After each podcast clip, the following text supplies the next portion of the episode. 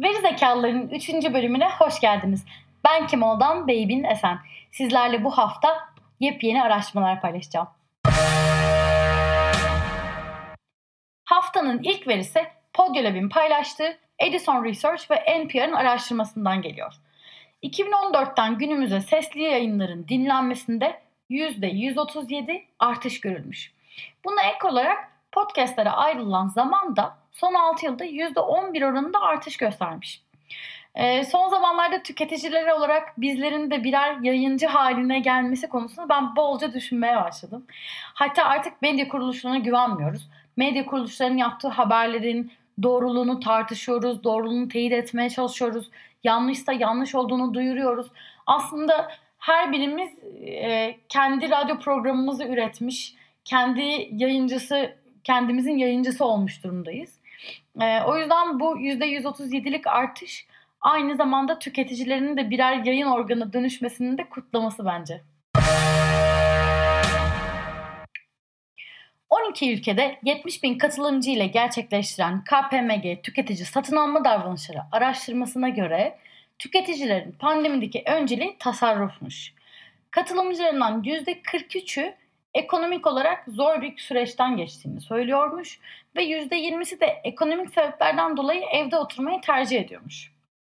Böylece Neredesin Firuze filminden en sevdiğim şarkı dünyanın gerçeği haline geldi. Olur mu öyle şey çocuklar? Ben hep evdeyim. Kantar'ın 4000 tüketici ve 700 pazarlamacı ile gerçekleştirdiği araştırmaya göre pazarlamacıların dijital kanallara bağlılığı artmış.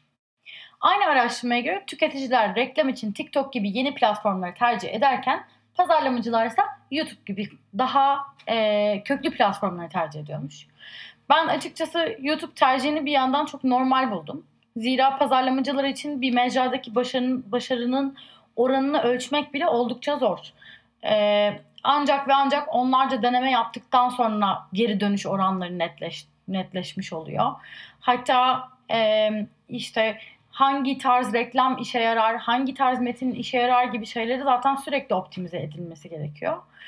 Ee, bir yandan da o mecranın dinamiklerini de öğrenmek gerekiyor. Mesela Instagram'da ilk e, reklamı globalde Michael Kors çıktı ve çıktığı gibi de yerden yere vuruldu. Hani Instagram o kadar reklamsız bir mecraydı ki bir anda tüketicilerin orada reklam görmeye başlaması e, aslında bir takım şey yarattı yani bir küçük bir nefret yarattı. Fakat sonrasında tabii ki hepimiz mecrada reklam görmeye alıştık. Şimdi de gelsin storyler gitsin videolar şeklinde sürekli sponsorlu reklamlar görüyoruz.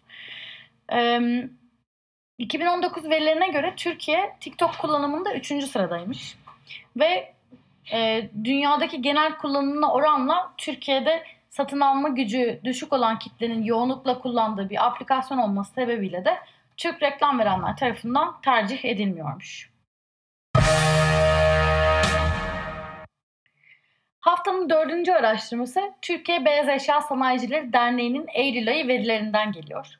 Türkiye'de beyaz eşya satışlarında bir önceki yıla göre %21 artış gözlenmiş. Tüketicinin hala beyaz eşya alışverişini yetkili bayiden yapmayı tercih etmesi de araştırmadan çıkan bir diğer önemli sonuçmuş. Pandemi döneminde alışveriş yapan tüketicilerin %68'i hala beyaz eşyasını yetkili bayiden aldığını ifade ediyormuş. Online dating uygulaması OkCupid kullanıcılarının uygulama içi yanıtladığı anket verilerine göre her 5 Türk'ten 4'ü koronavirüsü aşkın karşısında bir engel olarak görmüyormuş. Ve pandemiye rağmen yeni biriyle buluşmak üzere dışarıya çıkmaya da sıcak bakıyormuş. Umarım bu kullanıcılar buluşmadan önce karşı tarafa pandemi stratejisi hakkında sorular soruyordur. E, kendilerine buradan ilk sorularını ben hazırladım. Onu söylemek isterim. Hangi durumlarda maske takarsınız? A. Her zaman. B. Yalnızca kapalı alanlarda. C. Bana bir şey olmaz. Bu insan C mi dedi? B mi dedi? Üzgünüm, elendiniz. Veri zekalıların bu haftaki yayınının da sonuna geldik. Bizi isterseniz LinkedIn, Instagram ve Twitter'dan takip edebilir. Verizekalılar.com'dan bültenimize abone olabilirsiniz. Kendinize çok dikkat edin. Sağlıklı kalın. Hoşçakalın.